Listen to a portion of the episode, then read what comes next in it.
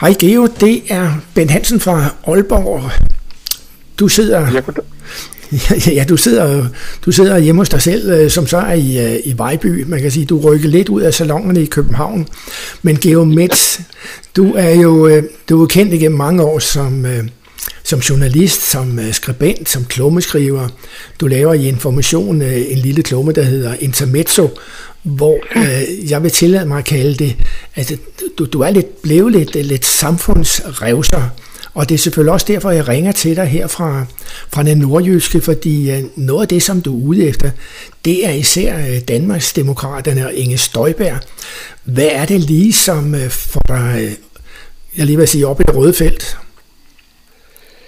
Nej, men det er jo øh, mange af de påstande, øh, Inger Støjberg kommer med, og det som hun altså bygger sit parti op på åbenbart.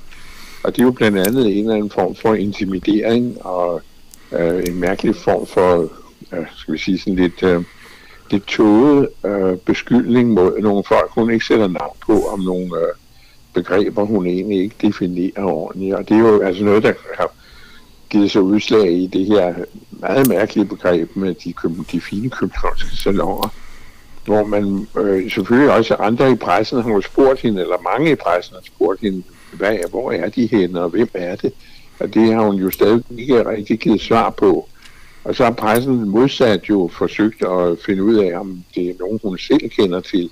Blandt andet for eksempel de øh, øh fine salonger, som man jo ofte forbinder med de her øh, erhvervskredse, erhvervsklubber, som hun selv har været deltager i. Og det er jo meget lukkede salonger, hvis man skal bruge de der salonudtryk.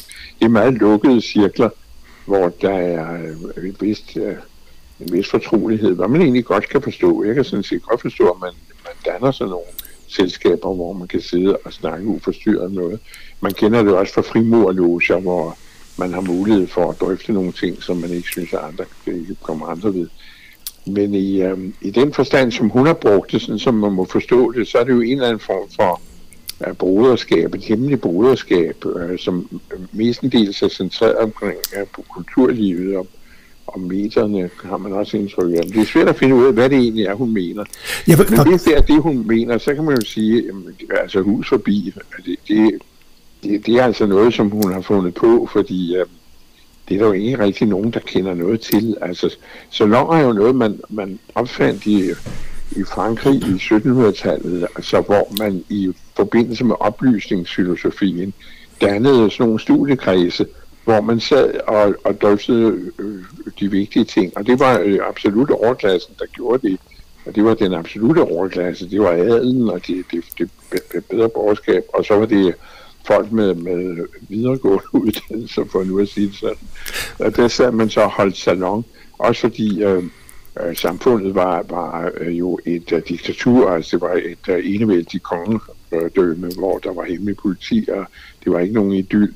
Men de her folk, de kunne så tillade sig at sidde de her lukkede forsamlinger og prøve at udvikle nogle samfundstanker og andre tanker. Men, men det, det, har, det har vi jo ikke haft så meget her i landet. Vi har men, haft lidt af det, men øh, det er jo ikke rigtig noget, som, som man, man har sådan en håndgribelighed af. Og derfor kan man sige, at, at det er lidt underligt, at hun gør sådan noget, fordi sådan noget, der, der så øh, unødigt splid mellem øh, øh nogle befolkningsgrupper, der, nogen, der måske hopper på det, hun siger, og siger, det er også for at der sidder sådan nogle øh, fine salonger og bestemmer over os. Det er jo noget forfærdeligt noget, som man skal til at gendrive, fordi det bliver betyder, som om man er i forsvar, i forsvarsposition. Og det er man ikke. Man prøver bare at forklare, at det, det er altså ikke noget, der eksisterer, så det er svært at diskutere det. Men Geomets, øh, man kan jo ikke komme udenom, at øh, jeg lige vil sige, eller vil sige, at øh, nu sidder jeg så i Aalborg, en, øh, ja, en af de større byer i Danmark, 220.000 øh, borgere er der her. Øh, København er jo noget større, men også det der med, øh, og det der er jo så andre, der også gør, men Inger Støjberg har jo slået sig lidt op på det der netop, at, øh, at nu skal vi sådan lidt tilbage til, til, hvad der sker ude på landet, men øh, med dit øh, kendskab til, hvad der sker rundt omkring i landet, for du kommer jo rundt som foredragsholder og kigger på, og jeg lige vil sige, revser rundt omkring i landet. Hvad er det, vi skal forholde os til? Er der virkelig den her store, øh, er der noget at komme efter og sige land og by? Altså, det er der jo i et, en vis forstand, er der jo, men der må man jo også sige, at der synes jeg, at en person som Inger Støjberg skulle grave lidt i sin egen øh, fortid. Hun har siddet 20 år i Folketinget, har jeg lige slået op, fordi hvis du skulle ringe, og hvis du tale om det her, så siger jeg, at jeg skulle lige finde ud af, hvor, hvor længe er det egentlig, hun har været i politik. Jamen det er i, i 20 år. Hun har også siddet i Amtsrådet, og hun har været øh, bestyrelsesmedlem af både uddannelsesorganisationer, uddannelsessteder og af noget så fint som Liberalt Opbygningsforbund. Så hun har altså haft et, et, et, en tæt tilknytning til øh, de demokratiske organer i landet, og altså øh, også det, der ligger uden for København, eller især det, der ligger uden for København. Og det kan man så sige, at hun kan måske have en pointe i noget, som hun selv har været med til, nemlig den, øh, det jeg opfatter som ødelæggelsen af meget store dele af det danske land, med den øh, kommunalreform, som øh, hun har øh, medansvar for, som Lars Løkke Rasmussen og Anders Fogh Rasmussen først og fremmest øh, lagde navn til og lagde, øh, og lagde frem og gennemførte. det. Øh, man kan godt sige hen over hovedet på, øh, på de folk, det berørte. Og det kan man køre rundt i, i landet og se, at der ligger affolkede landsbyer og byer, som øh, er en afglans af, hvad de var før i tiden. Jeg kender det danske land vældig godt, fordi jeg har i virkelig mange år, jeg tør slet ikke sige, hvor mange år, jeg har kørt rundt som foredragsholder. Det er jo, det er jo 45 år eller sådan noget lignende. Jeg lige før at sige, det, ja, det er næsten 50 år, jeg har kørt rundt på den måde. Og øh, har kendt landet, og synes, jeg kender landet vældig godt, og har talt med virkelig mange mennesker undervejs. Og øh, på trods af den der elendige øh, kommunalreform, så er der alligevel en meget stærk sammenhængsfølelse i det danske samfund, som jeg også synes er forkert af politikere at tale op som det modsatte. Og man kan jo også se det på, at øh, det vi forstår ved noget af det mest værdifulde i det danske samfund, har altid for min mening været det, vi kalder foreningsdanmark. Altså det, at man sætter sig fem mennesker ned og, og finder ud af et eller andet, man interesserer sig for, eller noget, man protesterer mod et eller andet, og så danner man en forening med kasserer og revisorer og det hele. Og det er en meget vigtig del af det danske demokratiske system og den danske demokratiske tanke. Og den lader Inger Støjberg og hendes ligesindede jo som om ikke eksisterer. Og det er jo ikke gået af mode. Der er jo stadigvæk et foreningsdanmark. Men de lever så på trods af, at der blev lavet en elendig kommunalreform. Så hun kan godt have ret i en lille smule af det med, at uh, en del af landet er blevet kørt over. Men det er altså en anden forklaring. Det er ikke de fine franske salonger, der er kørt nord. Det er en selv. Og det er den, den venstre regering og den borgerlige regering, der var der dengang. Og det, kan, det synes jeg er begrædeligt. Meget begrædeligt. Men, men... Hvis, jeg, hvis jeg var politiker i hvor det var jeg noget for, at vælgerne ikke er, så vil jeg gøre en, en frygtelig stor indsats for at uh, rette op på den side af sagen. Og sørge for, at de små byer fik deres politistationer igen, at uh, man ikke var så hissig efter den centralisering, der er sket, uh, og man uh, forsøgte at genetablere det nære samfund, som Venstre jo i sin tid stod for. Men Geomets, en af de ting, jeg lige sidder og tænker på, det er, at øh, nu har vi så... Jeg kan ikke høre det. Du må sætte lidt højere. Jamen nu har vi så, øh, nu har vi så øh, Inge Støjberg som øh, partistifter. Vi har øh, Lars Løkke Rasmussen som partistifter. Øh, Dansk Folkeparti er, er også udsprunget af, af nogle enkelte. Øh, de her partistiftelser, vi får nu, øh, er det også et udtryk for, blandt, du var netop inde på det der med foreninger, men det her, det er jo, det er jo person øh, fixering, som gør, har politik ændret sig med den måde, som politiske partier opstår på i dag? Ja, det er det i nogen grad. Altså man siger, det begyndte jo i 73, 72, 73 med de stærke personer og personligheder som Glistrup og Erhard Jacobsen, som øh, ikke havde så meget andet på deres program, i hvert fald i begyndelsen, end øh, nogle bestemte slagnumre og så sig selv.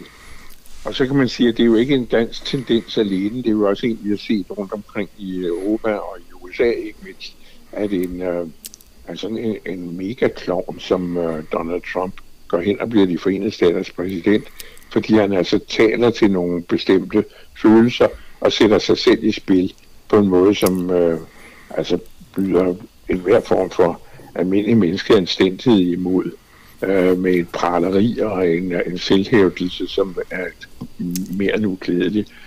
Og øh, den tendens, den, det, det er vel den, vi, vi sådan ser i et, øh, et bevar med vil i mindre grad, men dog så, så er, og dog så, så det en slags tendens her i landet med sådan noget som Støjbær.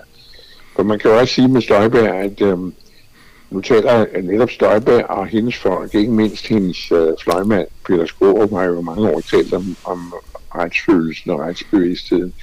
Og øh, det, er øh, det er et begreb, jeg altid har været meget forsigtig med, fordi retsfølelse og retsbevidsthed, det er som regel ens egen. Og den, har, den, den skal man passe på nogle gange at holde lidt for sig selv. Men for en gang skyld vil jeg bryde min, min egen regel og sige, min retsbevidsthed, den er krænket ved, at Inger Støjberg så tidligt efter afståelse af en temmelig alvorlig straf øh, stiller op til Folketinget og går til dronningen bag og alt muligt. Det er jeg, øh, det er jeg lidt betænkelig ved. For det er en af de mere farlige tendenser. Den er sådan set mere farlig end bare det, hun har stiftet parti med det der mærkelige program, eller det der manglende, manglende program. Det, det er øh, den disrespekt for institutionerne. Og det er mærkeligt, at jeg skulle sige det, fordi jeg, jeg hører bestemt ikke til de konservative her i landet. Men der er en ting, jeg synes, at alle politikere, alle politiske mennesker øh, må og skal være enige om. Så er det respekten for institutionerne. Så kan man forsøge som politiker at ændre dem, eller som pressemand, som mig, som, som køvland, så kan man forsøge at ændre institutionerne med kritik. Men det at skabe mistillid til dem, og mistillid til meget væsentlige sider af det danske samfund, i det her tilfælde jo det aller højeste, man har inden for retssamfundet, nemlig rigsretten, det synes jeg er en meget, meget betænkt, og det, det, det er vi jo godt ud, udtrykket, det er bekymrende. Men Georg Metz, øh, nu er vi jo så inde ved noget, hvor øh, medierne og herunder også øh, det fag, som du selv er inde under, netop journalistfaget, at øh, medierne, de har jo en, øh, en magt i dag, hvor man også kan se, at øh, lige så snart, nu kom der lige et lille pip om, at nu skulle der en undersøgelse i gang i forbindelse med, hvad har regeringen gjort i forbindelse med øh, Finsen-sagen. Der ligger selvfølgelig stadigvæk Ming-sagen og sådan. Er medierne med til måske netop også, som du er inde på her, øh, den her retsfølelse, øh, går den lidt i, i selvsving nu, at, øh, og netop når, når Inger Støjberg så også kan komme, komme videre, kan man sige, efter fodlænken, går medierne lidt i selvsving over, øh, hvor er retsfølelsen henne? Jo, altså både over, men nu vil sige, medierne, det er jo flere, der er flere sider i medierne. Hvis du aviserne, er der jo flere sider. Men altså, Uh, en side af det, det er jo den almindelige nyhedsdækning. Den, den synes jeg er på et ret højt niveau i Danmark, sådan i det store hele, hvor man refererer, hvad der sker, så er der en øh, journalistisk undersøgelse af, hvad det er, hvad foregår der. Og så er der en kommentardel, som øh, er forskellig fra avis til aviser, der kommer så debat. Og der er det jo selvfølgelig rigtigt, at der kan der jo gå selvsving i det nogle gange, også ud fra almindelige partipolitiske overvejelser. Men øh, i det store hele, så, så er det vel mere det, der hedder de sociale medier, som øh, populister, undskyld, jeg bruger udtrykket, populister, som Inger Støjberg øh, benytter sig af. Øh, altså, at man sætter nogle svingninger i gang, som for eksempel de Københavns, fine Københavns salonger, og man bygger sig op på noget, som dybest set ikke eksisterer. Man kan også sige, at det var det samme tendens, som Dansk Folkeparti lavede med at gå efter det, de kaldte eliten, øh, kultureliten, og de kulturradikale. Og man sagde, hvem, hvem fanden er det egentlig, de taler om? Og hvem er den der elite? Og i det tilfælde, hvor det er folk, som har siddet i Folketinget i 100 år til sammen, så er det jo lidt underligt, fordi så noget, der er elite her i landet, så er det jo altså øh, lovgiverne, så er det dem, der sidder, i hvert fald dem, der sidder længe i, i øh, det politiske system. Det er vel den, den magtelite, vi har her i landet. Er der så nogle kunstnere, som øh, arbejder med nogle ting, forfatter, der skriver, maler, der maler. Jo, jo, men det er jo ikke nogen, der har, det er jo ikke særlig meget indflydelse. Det har vi jo desværre ikke. Undskyld, jeg siger det. Det er jo meget lidt. Øh, der er nogen, der lytter til det. Øh, og øh, hvad, hvad er det så, der menes med det? Og det er derfor, jeg hele tiden siger, når man som politiker kaster sådan noget ud, så er det selvfølgelig pressens opgave at undersøge, om det er rigtigt. Og der synes jeg, at pressen har været fin med Inger Støjberg, fordi har sagt, jamen hun har jo ikke noget på, altså det er jo, der er ikke noget i det parti, der er ikke noget, noget program, der er nogle påstande om nogle fine franske salonger, og så er der en fløjmand, Peter Skårup, der render rundt og taler om snusfornuften skal i højsædet, og vi andre må jo sige, hvor herre dog bevares, altså snusfornuften, et sådan et, øh, et forsnævret begreb om, øh, der taler om en, først og fremmest om, om mangel på udsyn, om mangel på, på vilje til at diskutere tingene lidt dybere. Så øh, der synes jeg, at pressen sådan set klarer det meget godt, men øh, de sociale medier er jo noget, som er meget, i virkeligheden meget vanskeligt at tage stilling til, fordi vi har jo ikke noget samlet overblik over, hvad det egentlig er, der foregår i de sociale medier, andet end at det foregår. Geomets, øh, en af de ting, som øh, vi lige kan runde lidt af med, det er, tror du, at øh, får vi sådan en, øh, en lidt tidlig dronningerunde her i det nordjyske, hvor Mette Frederiksen og Inge Støjberg begge to stiller op til folketingsvalget her. Normalt er det en dronningrunde først noget, der kommer efter et valg har været afholdt, men, men uh, tror du, kommer, kan, er, er der sådan lidt tegn på, at der kan komme en dronningrunde heroppe? Ja, nu betyder dronningrunde, det er jo, at man går op og danner regering på dronningen, altså diskuterer, hvordan man skal danne regering. Men der bliver vel et sammenstød mellem de to på en eller anden måde, fordi de står og, og angler efter øh, de, de samme vælgere, fordi der er jo de vælgere, der er. Så øh, de, der kommer vel nogle sammenstød mellem dem. Øh, det kan man jo ikke undgå. Hvordan det udfaldet bliver, det er svært at sige. Må ikke Mette Frederiksen tager broderparten, eller søsterparten. Uh, hun står jo stærkt, og hun stiger jo også i agtelsen i, uh, i samfundet. Det er jo ikke det samme, som hun kan fortsætte som statsminister. Det er jo to forskellige ting, men altså hun står jo væsentligt stærkere end de andre politikere i troværdighed den sidste måling, jeg så, der ligger hun omkring 253 procent. Det er meget i, øhm, i øhm, tillid, i sådan en tillidsundersøgelse. Og der er et godt stykke ned til de andre. Så hvordan det indgår, så vil hun nok vinde den der omgang der, men det er jo, som, det er jo som sagt ikke helt at hun bliver statsminister i næste omgang igen. Geomæs, lad mig lige slutte med, at uh, netop som uh, du var inde på, at du har været rundt i landet med foredrag, du har som journalist jo uh, dækket mange uh, valg også. Det her, ja. altså nu, nu vil jeg ikke sidde og sige, at uh, vi, er i, vi er næsten lige gamle, vi sidder i vores livs efterår, men, men det her, det her uh, valg, uh, vil du, uh, hvor, hvor, hvor på skalaen er det i forhold til, hvad du har set tidligere?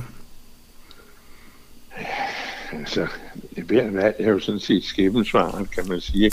Jeg synes jo, at det valg, der skete i 2001, var et af de, de mest øh, altså, afgørende i landets fremtid. Altså, da Anders Fogh kom til, og man faktisk fik en omkalfatring af store dele af dansk samfund til, til noget, som efter min mening var absolut uheldigt. Så det, det når man ser tilbage på det, jeg kan huske, at jeg, jeg blev så chokeret over resultatet, og det var måske, fordi jeg var dårligt orienteret på det tidspunkt. Der var jeg ikke mere direkte i pressen mere, Der, men jeg lavede så mange andre ting. Eller, der, jeg kan ikke huske, hvad jeg lavede det, men jeg var i hvert fald ikke, jeg skulle ikke dække det som journalist i det her valg. Men jeg var så chokeret, at jeg stjal, jeg kom til at stjæle benzin. Jeg holdt på en tank et sted i Jylland, ved Vejle, og tankede bilen, og så så jeg på fjernsynsskærmen øh, resultaterne. Det var på selvfaldsdagen. Altså landsresultatet ind gennem vinduet i tanken. Jeg blev så chokeret, så jeg fyldte min tank og kørte. Og fik bagefter at vide, at jeg havde stjålet en helt tank fuld benzin, fordi der var undersøgelse, hvad hedder sådan noget, spændkamera på den her tank. Det var meget pinligt, men jeg blev simpelthen så grundchokeret over resultatet, fordi jeg vidste dengang, at det var er virkelig skæbnesvart, at det ville ændre det danske samfund alvorligt. Og så er der jo ned til den, som jeg kan huske, som jeg tror, det sådan set var det første valg, jeg kom til at dække rigtigt. Uh, det var jo 72-73. Det var jo det, det, det man kaldte skæbnevalget med Glistrup og Erhard Jacobsen. Det var jo også et, hvor, hvor der virkelig skete en omvæltning af samfundet. Og det er vel det, man kan sammenligne det med de to valg. Altså, uh, for, forud. Og der er det her nok op i den liga. Apropos, at der ikke var noget benzin, var det ikke det, øh, Erhard Jacobsen, han havde ikke noget benzin på bilen? Jo, han hævdede jo, at han var løbet tør, og, han, og derfor var han kommet for sent til afstemningen, så Arne Jørgensens regering faldt. Og det viser bagefter, at det var en lidt tvivlsom forklaring. Men uh, det var sådan lige omvendt det, jeg gjorde. Jeg, havde, jeg fik fuld tank på, for at køre hjem til København. Og til de fine øh, franske salonger, havde jeg sagt men altså med en stjålet tank, på, fordi jeg var blevet så chokeret. Jeg betalte den senere, det skal jeg lige understrege. Det er jo med, øh, som altid, inspirerende lige at få øh, en øh, melding, øh, uden at det absolut er fra, fra de lukkede salonger der, men øh, forløbig... Ja, i, hvert fald ikke, I hvert fald her i Vejby, der er der ikke nogen fine københavnske salonger. Ikke andet end den, jeg sidder i, det er min egen. Geomets, tusind tak for nu. Vi ja, snakkes ved, når vi kommer lidt tættere på valget. Du er altid velkommen, Bent. Det er godt. Det var hyggeligt. Hej igen. Hej.